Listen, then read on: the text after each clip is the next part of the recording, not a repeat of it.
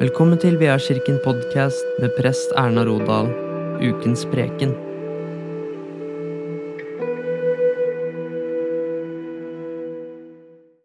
Vel møtt og god søndag. Vi er kommet til sjette søndag i påsketiden, og prekenteksten i dag er hentet fra Matteus evangelium, kapittel sju og vers sju til tolv.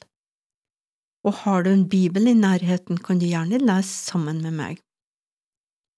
Be, så skal dere få, let, så skal dere finne, bank på, så skal det lukkes opp for dere.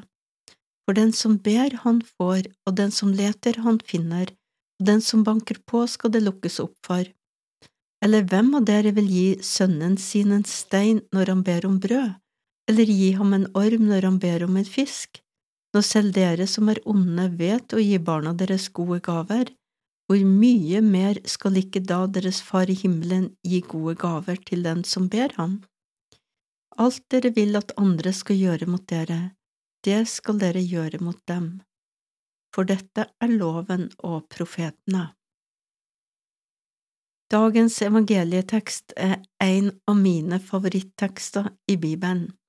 Be, så skal dere få, let, så skal dere finne, bank på, så skal det lukkes opp for dere, sier Jesus og så begrunner han det på en sånn måte at det høres helt logisk ut, at sånn må det jo selvfølgelig være. Og i mitt hode og mitt hjerte så må jeg være helt enig med Jesus i hans resonnement. Hvem av dere vil gi sønnen sin en stein når han ber om brød, eller gi ham orm når han ber om en fisk? Når selv dere som er onde vet å gi barna deres gode gaver, hvor mye mer skal ikke da deres Far i himmelen gi gode gaver til den som ber ham? Det er jo helt logisk, og det er faktisk et fantastisk flott løfte vi har fått. At vi som er bare små mennesker, har fått en sånn posisjon hos den levende Gud at vi kan kalle oss Guds barn, og Gud vår Far. Det er et helt utrolig stort privilegium. At vi kan be til Gud vår Far, og Han vil gi oss det vi ber om, det er en ufattelig stor gave og en mulighet. En mulighet som vi helt sikkert burde benytte enda mer enn vi gjør. På teologistudiet lærte jeg at Skrift forklarer Skrift. Derfor vil jeg i dag dra fram noen av de andre tekstene der Jesus underviser om bønn, for å belyse dagens prekentekst. Jesus sier mye om bønn, og en av de mest kjente tekstene om bønn står i Lukas kapittel 18.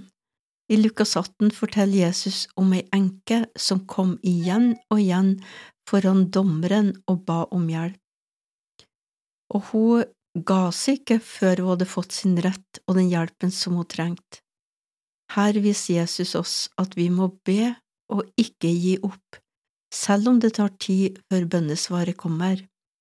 Det kan være greit å ha det i tankene når vi ber. Ofte kan vi se at bønnesvaret kommer fort, men av og til så tar det tid. Det betyr ikke at ikke Gud hører oss når vi ber. Be, be, be til vi får svar. Ikke gi opp før svaret er der. Gud har jo gitt oss et løfte, be så skal dere få. Er det så slitsomt å få svar hos Gud, vår Far, kan vi jo spørre om. Både ja og nei. Av og til blir vi minnet om å be om noe som ligger langt fram i tid, og da kommer ikke bønnesvaret for tida er inne for det, men vi legger et fundament for det som skal skje ved at vi ber. Andre ganger ber vi om et akutt behov, og da kan vi oppleve å få bønnesvar med en gang. Andre ganger igjen ser Gud våre behov før vi sjøl ser dem, eller at vi er i en posisjon der vi ikke er i stand til å be, men likevel kommer Gud oss til hjelp. Kanskje fordi at vi i årevis har bedt hver dag om Guds beskyttelse og Guds hjelp hver dag. Da ligger de bønnen over oss som en velsignelse over oss hele tida. Tingen er at hvis vi ønsker at Guds vilje skal skje i livet vårt, i familien vår, i kirka vår, i byen vår, i landet vårt eller i verden, så må vi faktisk be. Guds vilje skjer ikke automatisk i den verden vi lever i, dessverre. Det er derfor Jesus sier be, så skal dere få. Be uavlatelig, sier Paulus. Han hadde skjønt hvor viktig det var med bønn. Og la oss nå se litt nærmere på den bønna Jesus lærte oss, eller Fader vår, som er Jesu bønneveiledning til oss. Det er lett å tro at Jesus mener vi bare skal be Fader vår sånn som det står i teksten, og at det er bare sånn vi skal be. Vi skal selvfølgelig be Fader vår som bønna står også, men det er ikke bare det. Likevel inneholder Fader vår de viktigste bønnene som vi alltid skal be, og gir oss en unik veiledning og innsikt i bønn og hvordan bønn fungerer. Da de hadde bedt skal stedet, står det i Apostlenes gjerninger 4.31. De satt jo selvfølgelig ikke der og ba Fader vår igjen og igjen til stedet skalv, men Herrens bønn er en unik veiledning i bønn som Jesus lærte oss, og som vi kan be sånn som den står, eller del den opp og be bønn for bønn. I tillegg gir den oss innsikt i bønnes verden. La oss se på Fader vår, bønn for bønn. Vår Far i himmelen. Det sier noen ting om vårt privilegerte posisjon foran Gud. Vi er så heldige at vi får være Guds barn, barn av den levende Gud. Gud er vår far og det er i den posisjon som hans barn at vi henvender oss til Gud når vi ber. La navnet ditt helliges. Da jeg jobba med denne teksten, så kom jeg til å tenke på at Jesus som jøde selvfølgelig ikke snakka norsk og heller ikke gresk, som er språket Det nye testamentet skrevet på. Jesus snakka hebraisk. Jesus er jøde og snakker hebraisk, hvordan er det sannsynlig at han ville formulert det? Jødene på Jesu tid og i dag holdt Guds navn så hellig at de aldri uttalte Guds navn, men de sa bare navnet Hashem, eller Adonai, der det står JHVH på grunnteksten. Eller så brukte de bare betegnelsen Den evige. Det å bekjenne at Guds navn var hellig, det var viktig. I 1930-oversettelsen av den norske bibelen så står det Helliget vorde ditt navn, eller som om vi skal si det på litt mer moderne språk, Hellig eh, være ditt navn. I New International Version og i andre engelske bibler så står det Hallowed be your name, hellig være ditt navn. Det er stor forskjell på at vi bekjenner Hellig være ditt navn, at Guds navn er hellig, enn at vi ber Gud om å la sitt navn helliges. Jeg tror ikke det er helt riktig. Også i den hebraisk-engelske bibelen som jeg har, så står det helt tydelig Avinu sheba shamim itikadosh shimecha. Vi henvender oss til Gud som er vår far, men han er også en hellig Gud, og bekjenn hellig er ditt navn, det tror jeg er en, en riktigere plassering av Gud enn å si at han skal la sitt navn helliges. La ditt rike komme. Da Jesus gikk her på jorda og gjorde tegn og under, sa Jesus at da har jo Guds rike kommet til dere, i Matteus 12,28. Guds rike er Guds, Jesus brakte Guds rike til jorda med sitt komme, og han har åpna opp Guds rike for oss ved sin døde oppstandelse, og han har også gitt oss et oppdrag å bygge Guds rike her på jord. La ditt rike komme betyr at vi skal be om at Guds rike skal komme iblant oss, fordi det er bare i Guds kraft vi kan bygge Guds rike her på jord. Men Guds rike skal også komme en, en dag helt og fullt til syne, og det skal vi også be om. La din vilje skje på jorden slik som i himmelen. Guds vilje skjer ikke automatisk i den verden som vi lever i, ellers hadde ikke Jesus sagt at vi skulle be om at Guds vilje skulle skje her på jorda, som den skjer i himmelen. I himmelen skjer Guds fullkomne vilje, men ikke her på jorda. Det er derfor det er så viktig at vi ber den bønna her. Den bønna skal vi også be inn over livet vårt, over familien vår og byen vår, menigheten vår og landet vår og for hele verden. Og når vi ber om at Guds vilje skal skje på jord slik som himmelen, så er vi med på å forløse mer av Guds vilje her på jord. Gi oss i dag vårt daglige brød. Vårt daglige brød er alt det daglige behovet som vi har, alt det vi trenger av mat og klær, hus og hjem, og alle våre daglige behov. Vi kan jo kanskje tenke oss at vi har jo så mye en sånn overflod her i Norge at vi behøver ikke å be om vårt daglige brød. Men vi som kirke er kalt til å be også for de i verden som ikke har det de trenger. Dessuten kan det fort skje at ting rokker ved det etablerte økonomiske systemet som vi setter vår lit til, og derfor er det viktig at vi alltid ber denne bønna. Og tilgi oss vår skyld slik også vi tilgir våre skyldnere. Når vi kommer foran Gud og skal be, så er det viktig at vi ikke har noe uoppgjort synd i livet vårt, og det er også viktig at vi ikke anklager andre for å ha det, at vi tilgir dem som kanskje har såra oss eller gjort ting imot oss.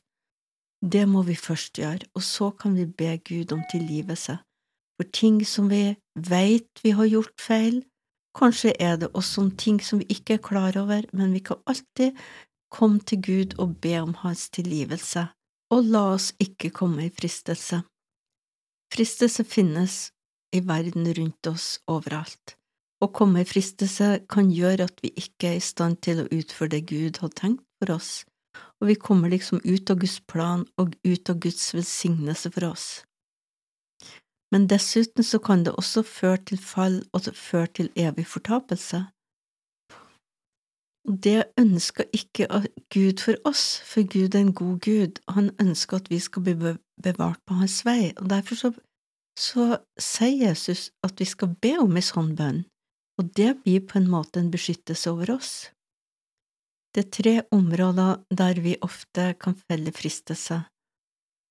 Det er området som har med sex å gjøre, penger eller makt. Og denne bønna om å ikke bli ledet i fristelse vil være en beskyttelse for oss og vil hjelpe oss så vi ikke feller fristelser, og sånn at vi blir bevart på Hans vei gjennom hele livet. Derfor er den bønna viktig å be. Men frels oss fra det onde. Jesus minner oss her på om at vi aktivt skal be om at Han skal frelse oss fra det onde. Det betyr at vi alltid skal be om beskyttelse mot alt ondt, mot alle farer og ulykker, alle sykdom og smerte og alt som har med det onde å gjøre. I denne bønna minner Jesus oss på om det. Og vi skal be om beskyttelse og vern, og at Gud skal lede oss bort fra alt som er vondt. Jeg bruker hver dag å be om beskyttelse for min familie, der nevner alle hver enkelt av dem ved navn og ber om at Gud skal holde sin mektige hånd over dem og beskytte oss mot alle farer og ulykker, mot all ondskap, og holde all ondskap langt borte fra oss. Denne bønna blir en beskyttelse for oss, og det blir et vern for alle sammen, og vi kan gjerne be om beskyttelse og at Gud skal holde alt ondt borte ifra alle andre også. For riket er ditt, og makten og æren i evighet. Amen. Det er egentlig et tillegg som er kommet i ettertid, da Fader vår ble brukt i kirken og finnes ikke i de eldste håndskriften. Heller ikke den engelske bibelen har det med, men det er en fin bekjennelse og en fin avslutning av bønna, selv om det ikke var med i de opprinnelige håndskriftene så gjør Gud uendelig mye mer og langt utover det vi forstår å be om. I Efeserne 3,20 Han som virker oss med sin kraft og kan gjøre uendelig mye mer enn det vi ber om og forstår. Heldigvis så gjør Gud det.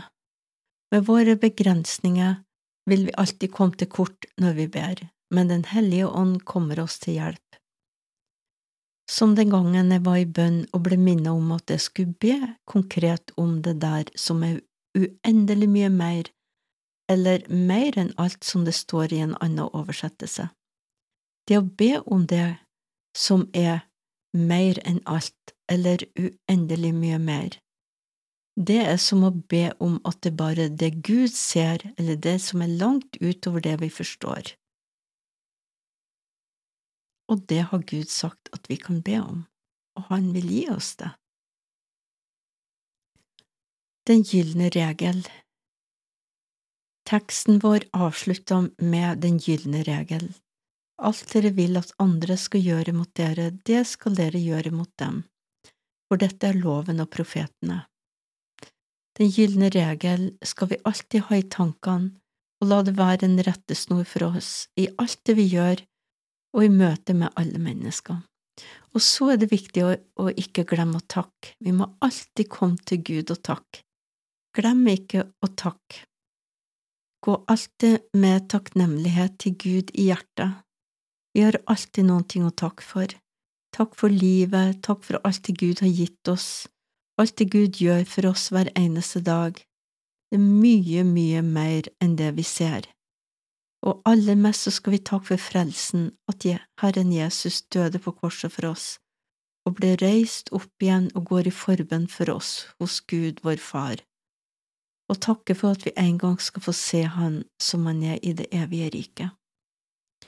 Ære være Faderen og Sønnen og Den hellige ånd, som var, er og blir en sann Gud, fra evighet og til evighet. Amen. Ta imot velsignelsen. Herren velsigne deg og bevare deg. Herren la sitt ansikt lyse over deg og være deg nådig. Herren løfte sitt ansikt mot deg og gi deg fred.